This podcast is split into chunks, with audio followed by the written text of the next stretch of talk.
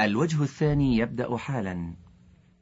ووصف نفسه بالتعليم ووصف عبده بالتعليم فقال الرحمن علم القرآن خلق الإنسان علمه البيان. وقال تعلمونهن مما علمكم الله.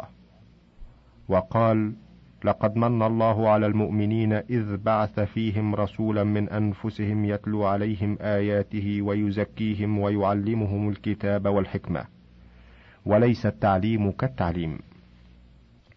وهكذا وصف نفسه بالغضب فقال وغضب الله عليهم ولعنهم. ووصف عبده بالغضب في قوله ولما رجع موسى إلى قومه غضبان أسفا وليس الغضب كالغضب. ووصف نفسه بأنه استوى على عرشه فذكر ذلك في سبع مواضع من كتابه أنه استوى على العرش ووصف بعض خلقه بالاستواء على غيره في مثل قوله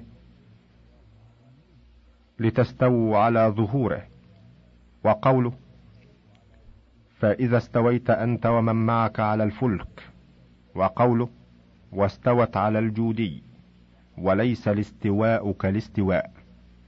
ووصف نفسه ببسط اليدين فقال وقالت اليهود يد الله مغلولة غلت أيديهم ولعنوا بما قالوا بل يداه مبسوطتان ينفق كيف يشاء. ووصف بعض خلقه ببسط اليد في قوله ولا تجعل يدك مغلولة إلى عنقك. ولا تبسطها كل البسط. وليس اليد كاليد ولا البسط كالبسط. وإذا كان المراد بالبسط الإعطاء والجود فليس إعطاء الله كإعطاء خلقه ولا وجوده كوجودهم ونظائر هذا كثيرة. فلا بد من إثبات ما أثبته الله لنفسه ونفي مماثلته بخلقه. فمن قال ليس لله علم ولا قوة ولا رحمة ولا كلام ولا يحب ولا يرضى ولا نادى ولا ناجى ولا استوى كان معطلا جاحدا ممثلا لله بالمعدومات والجمادات ومن قال له علم كعلمي أو قوة كقوتي أو حب كحبي أو رضاء كرضائي أو يدان كيداي أو استواء كاستوائي كان مشبها ممثلا لله بالحيوانات بل لا بد من إثبات بلا تمثيل وتنزيه بلا تعطيل ويتبين هذا بأصلين شريفين ومثلين مضروبين وبخاتمة جامعة. عنوان إثبات بعض الصفات إثبات للباقي. فأما الأصلان فأحدهما أن يقال القول في بعض الصفات كالقول في بعض فإن كان المخاطب ممن يقول بأن الله حي بحياة عليم بعلم قدير بقدرة سميع بسمع بصير ببصر متكلم بكلام مريد بإرادة ويجعل ذلك كله حقيقة وينازع في محبته ورضاه وغضبه وكراهته فيجعل ذلك مجازا ويفسره إما بالإرادة وإما ببعض المخلوقات من النعم والعقوبات. فيقال له لا فرق بين ما نفيته وبين ما أثبته بل القول في أحدهما كالقول في الآخر. فإن قلت إن إرادته مثل إرادة المخلوقين فكذلك محبته ورضاه وغضبه وهذا هو التمثيل. وإن قلت إن له إرادة تليق به كما أن للمخلوق إرادة تليق به قيل لك وكذلك له محبة تليق به وللمخلوق محبة تليق به وله رضا وغضب يليق به وللمخلوق رضا وغضب يليق به. وإن قلت الغضب غليان دم القلب لطلب الانتقام فيقال له والإرادة ميل النفس إلى جلب منفعة أو دفع مضرة. فإن قلت هذه إرادة المخلوق قيل لك وهذا غضب المخلوق. وكذلك يلزم القول في كلامه وسمعه وبصره وعلمه وقدرته إن نفي عنه الغضب والمحبة والرضا ونحو ذلك مما هو من خصائص المخلوقين فهذا منتف عن السمع والبصر والكلام وجميع الصفات. وإن قال إنه لا حقيقة لهذا إلا ما يختص بالمخلوقين. فيجب نفيه عنه. قيل له وهكذا السمع والبصر والكلام والعلم والقدرة. فهذا المفرق بين بعض الصفات وبعض يقال له فيما نفاه كما يقوله هو لمنازعه فيما أثبته. فإذا قال المعتزلي ليس له إرادة ولا كلام قائم به لأن هذه الصفات لا تقوم إلا بالمخلوقات فإنه يبين للمعتزلي أن هذه الصفات يتصف بها القديم ولا تكون كصفات المحدثات فهكذا يقول له المثبتون لسائر الصفات من المحبة والرضا ونحو ذلك. فإن قال تلك الصفات أثبتها بالعقل لأن الفعل الحادث دل على القدرة والتخصيص دل على الإرادة والإحكام دل على العلم. وهذه الصفات مستلزمة للحياة والحي لا يخلو عن السمع والبصر والكلام أو ضد ذلك. قال له سائر أهل الإثبات لك جوابان. أحدهما أن يقال عدم الدليل المعين لا يستلزم عدم المدلول المعين فهب أن ما سلكت من الدليل العقلي لا يثبت ذلك فإنه لا ينفيه وليس لك أن تنفيه بغير دليل لأن النافي عليه الدليل كما على المثبت والسمع قد دل عليه ولم يعارض ذلك معارض عقلي ولا سمعي فيجب إثبات ما أثبته الدليل السالم عن المعارض المقاوم. الثاني أن يقال يمكن إثبات هذه الصفات بنظير ما أثبت به من العقليات. فيقال نفع العباد بالإحسان إليهم يدل على الرحمة كدلالة التخصيص على المشيئة. وإكرام الطائعين يدل على محبتهم وعقاب الكافرين يدل على بغضهم كما قد ثبت بالشهادة والخبر. من إكرام أوليائه وعقاب أعدائه. والغايات المحمودة في مفعولاته ومأموراته وهي ما تنتهي إليه مفعولاته ومأموراته من العواقب الحميدة تدل على حكمته البالغة كما يدل التخصيص على المشيئة وأولى لقوة العلة الغائبة. ولهذا كان ما في القرآن من بيان ما في مخلوقاته من النعم والحكم أعظم مما في القرآن من بيان ما فيها من الدلالة على محض المشيئة. وإن كان المخاطب ممن ينكر الصفات ويقر بالأسماء كالمعتزلي الذي يقول إنه حي عليم قدير وينكر أن يتصف بالحياة والعلم والقدرة قيل له لا فرق بين إثبات الأسماء وإثبات الصفات فإنك إن قلت إثبات الحياة والعلم والقدرة يقتضي تشبيها أو تجسيما. لأن لا نجد في الشاهد متصفا بالصفات إلا ما هو جسم. قيل لك ولا نجد في الشاهد ما هو مسمى. حي عليم قدير إلا ما هو جسم. فإن نفيت ما نفيت لكونك لم تجده في الشاهد إلا للجسم فانفي الأسماء. بل وكل شيء لأنك لا تجده في الشاهد إلا للجسم. فكل ما يحتج به من نفي الصفات يحتج به نافي الأسماء الحسنى فما كان جوابا لذلك كان جوابا لمثبتي الصفات.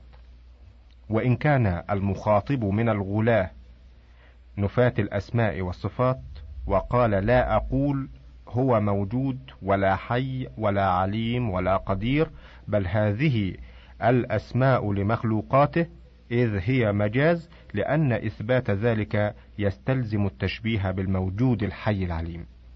قيل له: وكذلك إذا قلت ليس بموجود ولا حي ولا عليم ولا قدير كان ذلك تشبيها بالمعدومات وذلك أقبح من التشبيه بالموجودات.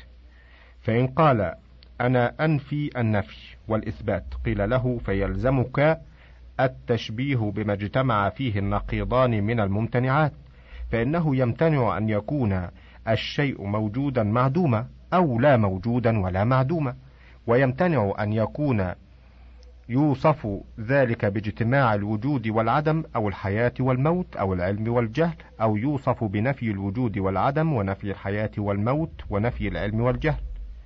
فإن قلت إنما يمتنع نفي النقيضين عما يكون قابلا لهما وهذان يتقابلان تقابل العدم والملكة لا تقابل السلب والإيجاب فإن الجدار لا يقال له أعمى ولا بصير ولا حي ولا ميت إذ ليس بقابل لهما. قيل لك. أولا هذا لا يصح في الوجود والعدم فإنهما متقابلان تقابل السلب والإيجاب باتفاق العقلاء فيلزم من رفع أحدهما ثبوت الآخر. وأما ما ذكرته من الحياة والموت والعلم والجهل فهذا اصطلاح اصطلحت عليه المتفلسفة المشاؤون والاصطلاحات اللفظية ليست دليلا على نفي الحقائق العقلية. وقد قال الله تعالى والذين يدعون من دون الله لا يخلقون شيئا وهم يخلقون أموات غير أحياء وما يشعرون أيان يبعثون. فسمى الجماد ميتا وهذا مشهور في لغة العرب وغيرهم. وقيل لك ثانيا فما لا يقبل الاتصاف بالحياة والموت والعمى والبصر ونحو ذلك من المتقابلات أنقص مما يقبل ذلك، فالأعمى الذي يقبل الاتصاف بالبصر أكمل من الجماد الذي لا يقبل واحدا منهما، فأنت فررت من تشبيهه بالحيوانات القابلة لصفات الكمال، ووصفته بصفات الجامدات التي لا تقبل ذلك. وأيضا فما لا يقبل الوجود والعدم أعظم امتناعا من القابل للوجود والعدم بل ومن اجتماع الوجود والعدم ونفيهما جميعا فما نفيت عنه قبول الوجود والعدم كان أعظم امتاعا مما نفيت عنه الوجود والعدم وإذا كان هذا ممتنعا في صرائح العقول فذلك أعظم امتناعا فجعلت الوجود الواجب الذي لا يقبل العدم هو أعظم الممتنعات وهذا غاية التناقض والفساد. وهؤلاء الباطنية منهم من يصرح برفع النقيضين الوجود والعدم، ورفعهما كجمعهما، ومن يقول لا أثبت واحدا منهما فامتناعه عن إثبات أحدهما في نفس الأمر لا يمنع تحقق واحد منهما في نفس الأمر. وإنما هو كجهل الجاهل وسكوت الساكت الذي لا يعبر عن الحقائق. وإذا كان ما لا يقبل الوجود ولا العدم أعظم امتناعا مما يقدر قبوله لهما مع نفيهما عنه فما يقدر لا يقبل الحياة ولا الموت ولا العلم ولا الجهل ولا القدرة ولا العجز ولا الكلام ولا الخرس ولا العمى ولا البصر ولا السمع ولا الصمم. أقرب إلى المعدوم الممتنع مما يقدر قابلا لهما مع نفيهما عنه وحينئذ فنفيهما مع كونه قابلا لهما أقرب إلى الوجود والممكن وما جاز لواجب الوجود قابلا وجب له لعدم توقف صفاته على غيره. فإذا جاز القبول وجب وإذا جاز وجود القبول وجب وقد بسط هذا في موضع آخر وبين وجوب اتصافه بصفات الكمال التي لا نقص فيها بوجه من الوجوه وقيل له أيضا اتفاق المسميين في بعض الأسماء والصفات ليس هو التشبيه والتمثيل الذي نفته الأدلة السمعيات والعقليات وإنما نفت ما يستلزم اشتراكهما فيما يختص به الخالق مما يختص بوجوبه أو جوازه أو امتناعه.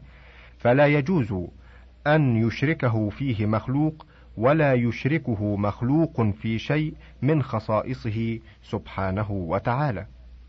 وأما ما نفيته فهو ثابت بالشرع والعقل وتسميتك ذلك تشبيها وتجسيما تمويه على الجهال الذين يظنون أن كل معنى سماه مسم بهذا الاسم يجب نفيه. ولو ساغ هذا لكان كل مبطل يسمي الحق بأسماء ينفر عنها بعض الناس ليكذب الناس بالحق المعلوم بالسمع والعقل وبهذه الطريقة أفسدت الملاحدة على طوائف الناس عقلهم ودينهم حتى أخرجوهم إلى أعظم الكفر والجهالة وأبلغ الغي والضلالة. وإن قال نفاة الصفات إثبات العلم والقدرة والإرادة مستلزم وهذا تركيب ممتنع. قيل وإذا قلتم هو موجود واجب وعاقل ومعقول وعاشق ومعشوق ولذيذ وملتز ولذة. أفليس المفهوم؟ هو المفهوم من هذا. فهذه معان متعددة متغايرة في العقل. وهذا تركيب وأنتم تثبتونه وتسمونه توحيدا.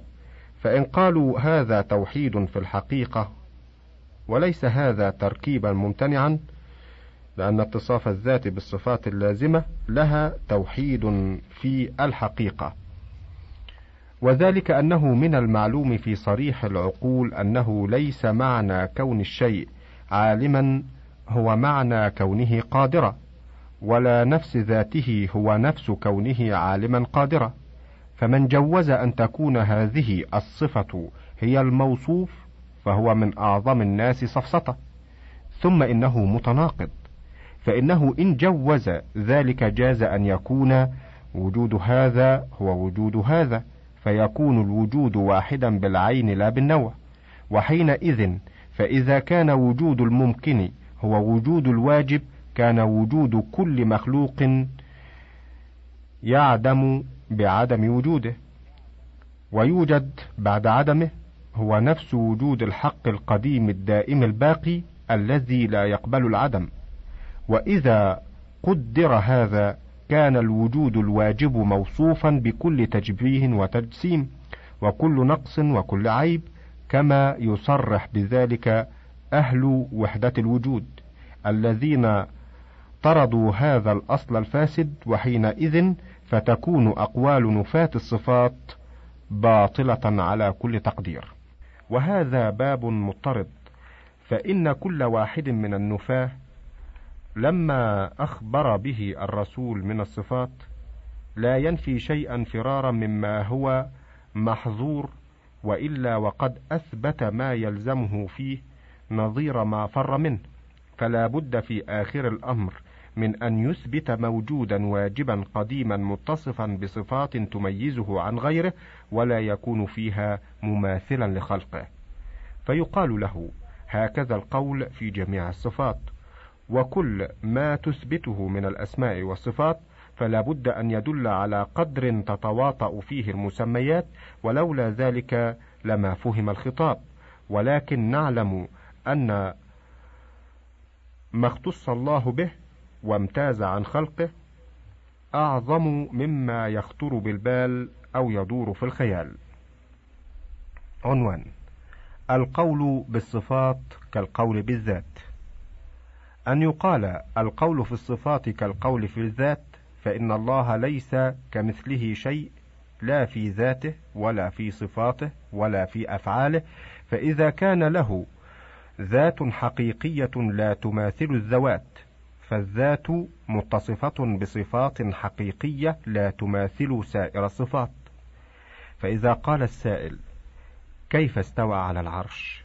قيل له كما قال ربيعة ومالك وغيرهما رضي الله عنهما الاستواء معلوم والكيف مجهول والإيمان به واجب والسؤال عن الكيفية بدعة لأنه سؤال عما لا يعلمه البشر ولا يمكنهم الإجابة عنه.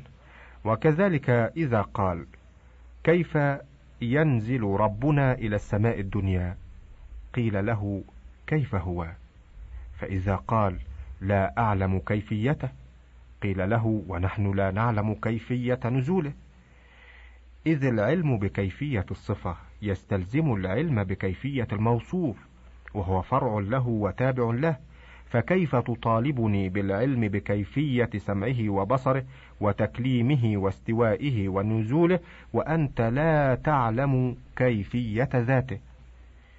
وإذا كنت تقر بأن له حقيقة ثابتة في نفس الأمر مستوجبة لصفات الكمال لا يماثلها شيء فسمعه وبصره وكلامه ونزوله واستواؤه ثابت في نفس الأمر وهو متصف بصفات الكمال التي لا يشابهه فيها سمع المخلوقين وبصرهم وكلامهم ونزولهم واستواؤهم.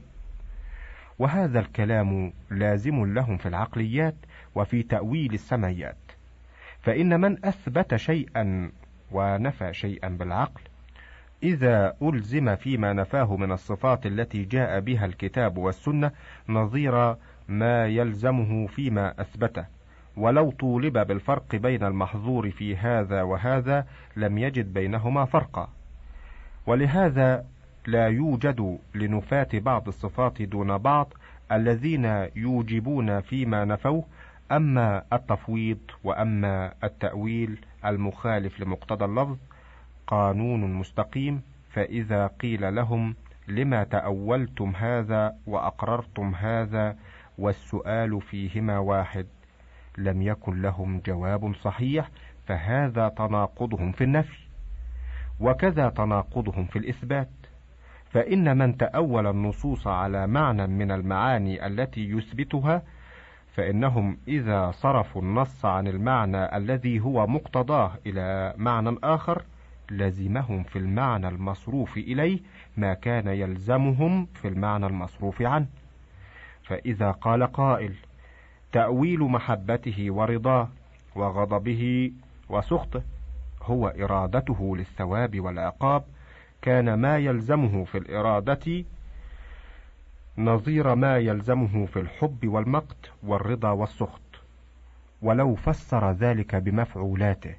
وهو ما يخلقه من الثواب والعقاب فإنه يلزمه في ذلك نظير ما فر منه فإن الفعل لا بد أن يقوم أولا بالفاعل والثواب والعقاب المفعول إنما يكون على فعل ما يحبه ويرضاه ويسقطه ويبغضه المثيب المعاقب فهم إن أثبتوا الفعل على مثل الوجه المعقول في الشاهد للعبد مثلوا وإن أثبتوه على خلاف ذلك فكذلك الصفات. عنوان ما يثبت من الصفات. وأما المثلان المضروبان فإن الله سبحانه وتعالى أخبرنا عما في الجنة من المخلوقات من أصناف المطاعم والملابس والمناكح والمساكن فأخبرنا أن فيها لبنا وعسلا وخمرا وماء ولحما وحريرا وذهبا وفضة وفاكهة وحورا وقصورا. وقد قال ابن عباس رضي الله عنهما ليس في الدنيا شيء مما في الجنة إلا الأسماء.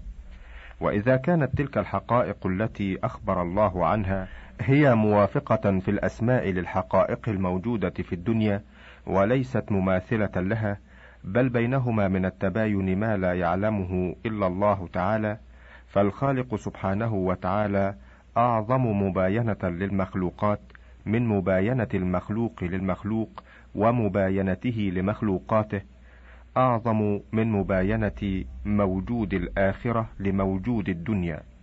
إذ المخلوق أقرب إلى المخلوق الموافق له في الاسم من الخالق إلى المخلوق.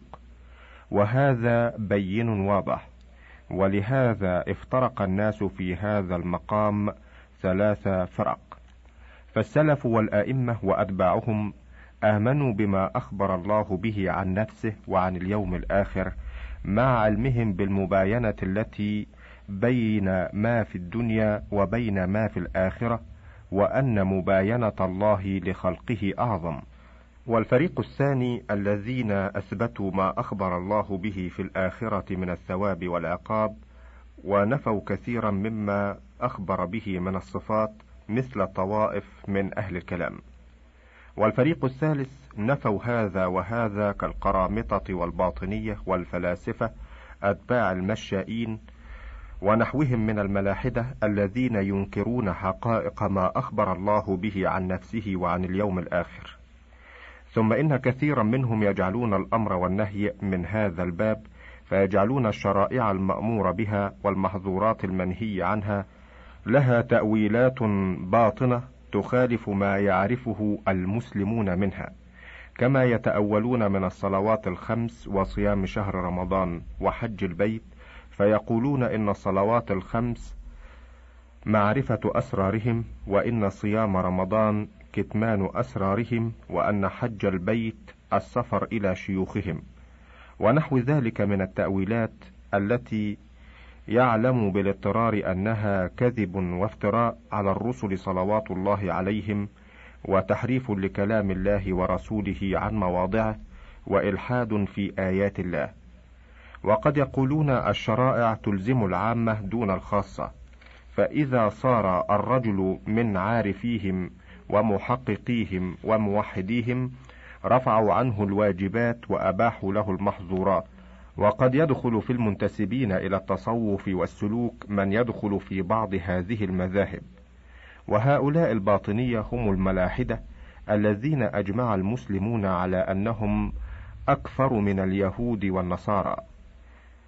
وما يحتج به على الملاحدة من أهل الإيمان والإثبات يحتج به من كل من كان من أهل الإيمان والإثبات على من يشرك هؤلاء في بعض إلحادهم.